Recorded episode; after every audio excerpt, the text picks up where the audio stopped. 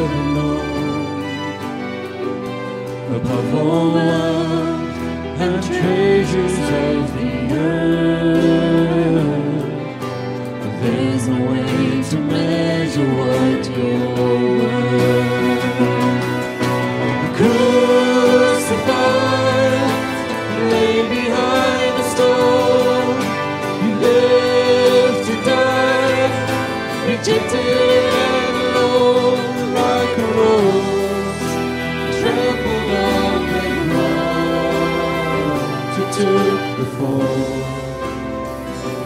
Took the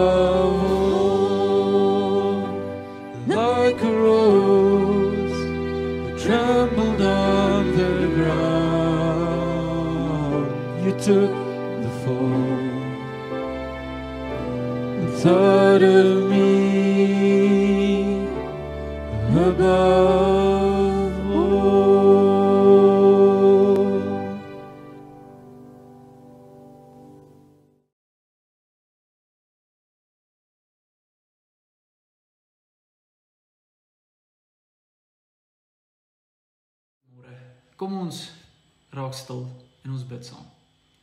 Ons ons Vader, dit is die dis die einde van Augustus van 2020. En as ons eerlik met mekaar kan moet wees dan weet ons nie waar hierdie jaar heen gevlieg nie as gevolg van ons omstandighede wat so verander het, dinge wat so anderster is, dinge wat nie altyd so lekker is nie. Tog as ons vanmôre by U kom stil word, dan word ons stil voor iemand wat konstant is, iemand wat solied is, wat altyd teenwoordig is. En daarvoor sê ons dankie.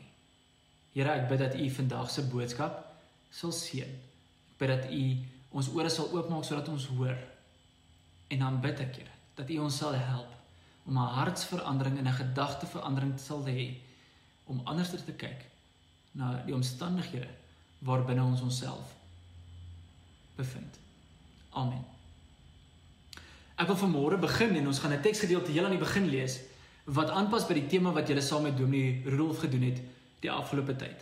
Julle het so 'n bietjie gepraat oor emosies en die tema vandag gaan juis oor 'n emosie wat ons almal ken en wat ons almal gedreig word van kleins af om te gebruik tot die omstandighede verander. My ma het altyd vir ons gesê, jy sê asseblief en jy sê dankie. Daar was nie onderhandel nie en dis hoe dit was. Hoe groter jy word, sê dalk nog steeds dankie. Maar skielik verander omstandighede, dit raak moeilik en ook word dit al hoe moeiliker om jou dankbaarheid te wys. So dankbaarheid is ietsie sensitiefs en um, ons voel nie altyd dat ons wil dankbaar wees nie. Want kyk net hoe lyk ons omstandighede. Ons almal moet maskers dra. Ons almal kan nie by ons familie uitkom nie. Dankie tog dat die lockdown nou op level 2 is, maar nog steeds leef ons in onsekerheid. Nietemin. Ek wil gaan stil staan vandag by 'n teksgedeelte wat vir party van ons maklik is en vir ander bietjie moeiliker is. Dis 'n teksgedeelte wat ons uitdaag om in sekere omstandighede anderster te wees. U is welkom om saam met my te blaai na 1 Tessalonisense 5 vers 16. Nou voor ek die teksgedeelte lees, wil ek vir julle net 'n bietjie agtergrond gee oor wie dit geskryf het en in watter omstandighede geskryf is sodat dit ook 'n brug kan bou vir ons tyd waarin ons nou is. Die teksgedeelte is geskryf deur Paulus in 'n brief aan die mense van Tessalonika. Nou die brief is ook geskryf so 50 jaar na Christus se geboorte en en Paulus het dit geskryf uit Korinthe in Griekeland aan hierdie nuut gevestigde gemeente. Die brief word beskou as een van die oudste briewe Maar wat vir my meer belangrik is, is die is die feit dat hy dit geskryf het vir 'n sekere gemeenskap. Nou hoekom sou hy dit vir hulle geskryf het? Paulus het gevoel hy moet hierdie mense van Tessalonika ehm um, motiveer. En dit is die groot tema van hierdie brief. Hierdie brief motiveer hy hulle om saam te staan en mekaar te ondersteun want die tyd van Christus is naby. So het hulle geglo in hierdie brief. Die brief was saamgestel om mekaar te motiveer. Dan in die 5de hoofstuk wat ons vandag kom, kom Paulus en hy gebruik die woord dankbaar. Nou as jy saam met my stem, as ons mekaar moet ondersteun en mekaar moet, moet motiveer, dan beteken dit die omstandighede rondom ons is nie wat dit moet wees nie. Dis nie so positief nie. Maar in dieselfde asem sê hy ons moet dankbaar wees. Klink min of meer soos die omstandighede waarin ons onsself bevind die afgelope jaar. Waar ons deur swaar tye gaan, 'n party van ons regtig swaar kry. Maar dan kom Paulus en hy sê vir ons wees dankbaar. Kom ons lees die teksgedeelte en dan vat ons dit van daar af 'n bietjie verder. 1 Tessalonisense 5 vers 16. Daar staan: Wees altyd bly. Bid gedurig en wees in alle omstandighede dankbaar, want dit is wat God in Christus Jesus van julle verwag. Natuurlik het jy dit ook gehoor, so ek lees dit weer. Daar staan: Wees in alle omstandighede dankbaar. Ek lees 'n storie van twee ou vriende, skoolvriende wat mekaar ontmoet op straat. En die ene vra vir die ander hoe gaan dit, maar hy's in trane. En hy sê vir hom, "Wat het gebeur?" Hy sê, "Nee, ek het nie lank terug nie, het ek 'n baie spesiale familielid verloor aan die dood. En die het vir my 40 miljoen rand gelos wat ek geërf het." En die ou se oor rek so bietjie. Hy sê, "Ek is nou regtig baie jammer, maar daar's daarom 'n positiewe ding. Jy het 'n paar rand geërf." Hy sê, "Jy sien, dit is nie die probleem nie. Die volgende Vrydag toe is my oom aan die ander kant van die familie oorlede en die los toe nou vir my 20 miljoen." Die ou begin se 'n bietjie wonder wat gaan aan. Ehm um, en hy sê, "Maar weet jy wat's nog erger? Is die week daarna het 'n klein neefie van my afgesterf. En dit ook vir my om 'n paar miljoen gelos." En die ou skud sy kop en hy sê vir my, "Maar hoekom huil jy? Waar is jy dan so so hartseer? Hy sê jy sien dit is week 4 en dis Vrydag en daar het nog niks gebeur nie. Wat al bietjie onsensitief klink. Maar ons as mense is nogal snaaks. Ons neem goeders van selfsprekend of ons nou daarvoor gewerk het en of ons dit kry as 'n geskenk, ons is so baie keer ondankbaar as dinge skielik verander. Ons neem aan dit is hoe dit moet wees en dit is ons reg dat dit so moet gebeur. Maar eintlik is dit 'n groot geskenk. Ons as mense het hierdie ehm um, gevoel dat ons verdien alles wat ons kry. En dit is nie die geval nie. Ek onthou toe ek klein was, het die dominee ons altyd gevra, "Hoeveel keer sê jy dankie as jy bid? En hoeveel keer vra jy?" Eers en ek het altyd skuldig gevoel as ek gebid het, want ek um, het altyd gevra en nie altyd dankie gesê nie. Jy sien, Wat ek agtergekom het is dat dankbaarheid is nogal 'n sensitiewe ding omdat dit so maklik kan verander. Ons omstandighede kan in 'n oogwink verander. Chuck Swindoll skryf, hy sê hy het ontdek dat dankbaarheid baie fokus op die fisiese dinge. En hier kan jy dalk saam met hom stem, soos wat ek saam met hom stem. Ons is dankbaar vir ons gesondheid, ons is dankbaar vir ons gesinne en ons families, ons is dankbaar vir ons finansies, Ons is dankbaar vir die dinge wat ons rondom ons kan sien. Totdat dit verander. En dan vra ons vir onsself af, maar hoekom en waarom gaan dit nou so sleg en hoekom word ek gestraf? En wat ons nie besef nie is ons fokus ons dankbaarheid op fisiese goederes wat môre kan verander en wat môre weggeneem kan word van ons. En ek het nou seker 'n bietjie gaan wonder. Maar as Paulus sê ons moet in alle omstandighede dankbaar wees, Wat bedoel hy daarmee? Wat bedoel hy wanneer hy sê alle omstandighede? Want ek weet nie van julle nie en ek voel so dat as dit sleg gaan met my, as dit sleg gaan met my gesondheid of iemand wat ek liefhet se gesondheid of met my finansies of sleg gaan met tussen my en my familie, dan is ek nie altyd dankbaar nie. Want want is moeilik. En toe lees ek in die agtergrond en in kommentare wat die slim mense beskou as die goed waarvoor ons op moet dankbaar wees. Daar staan geskrywe dat ons ons dankbaarheid moet skuif na die konstante.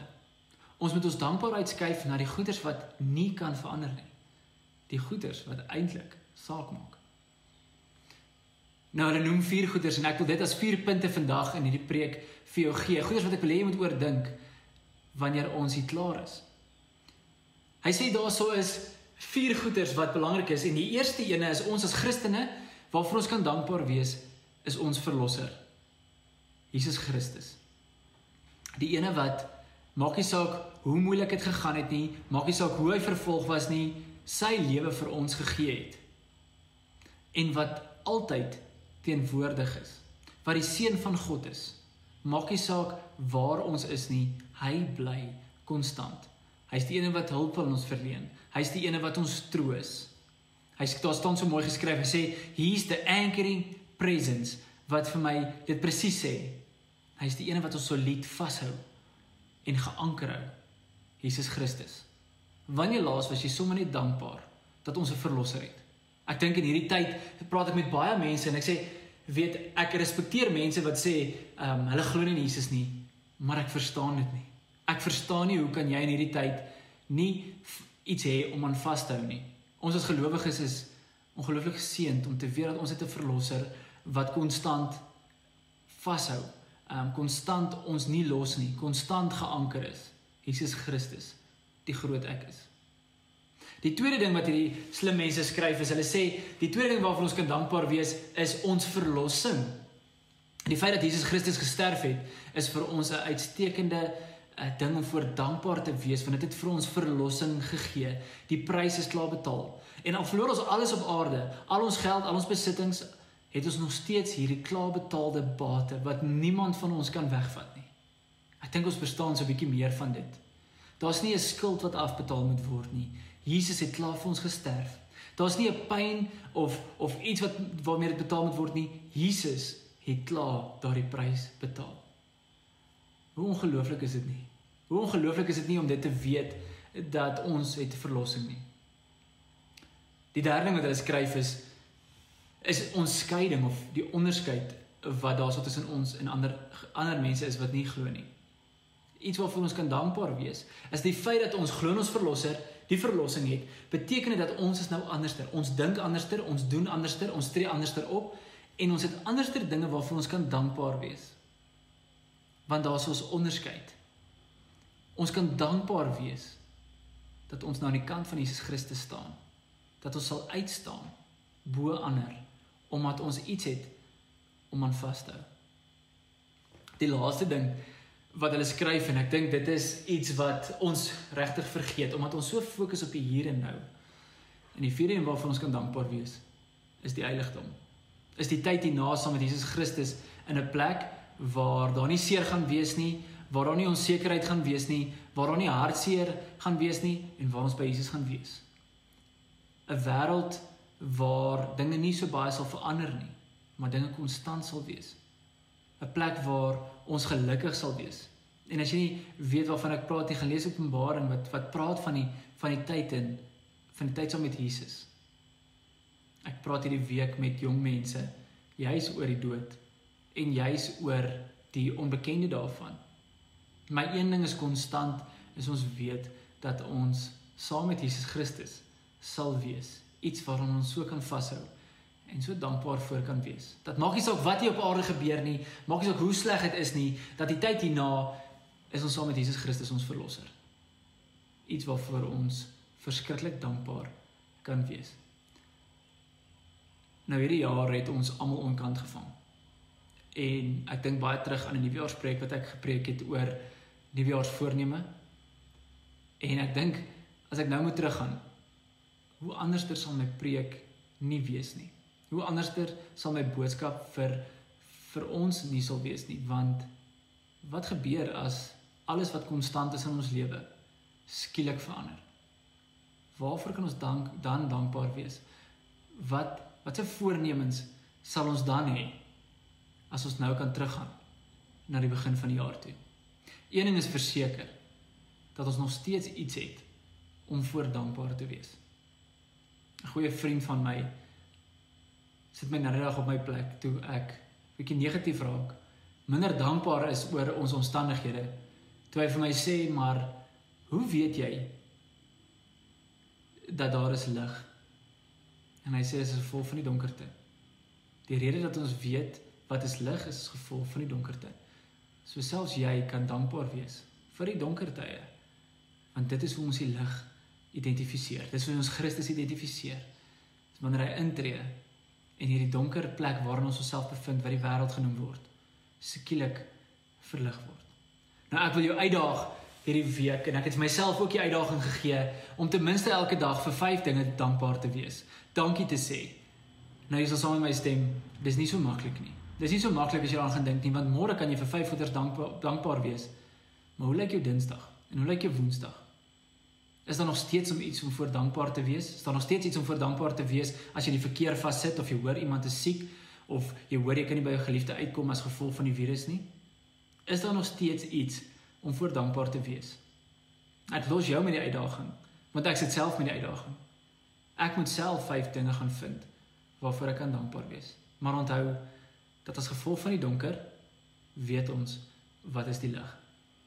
Ek wil afsluit met die teksgedeelte weer eens. En ek wil dit vir jou voorlees 1 Tessalonisense 5 vers 16. Paulus skryf: Wees altyd bly.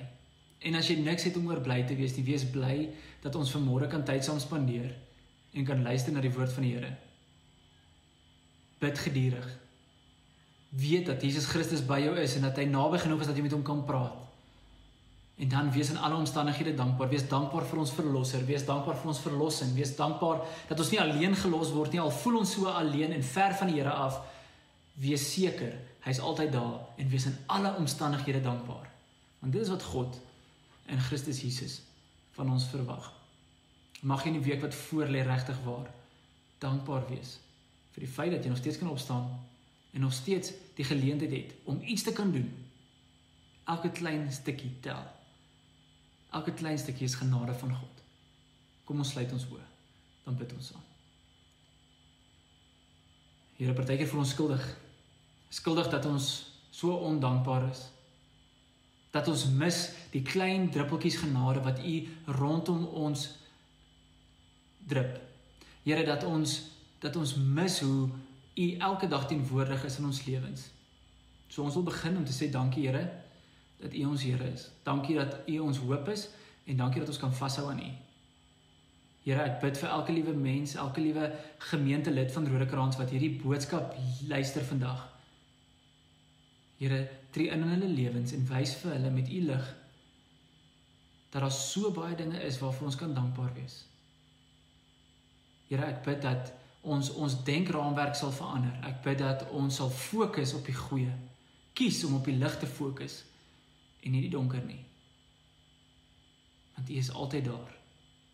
En U is altyd standvastig, ons anker. Amen.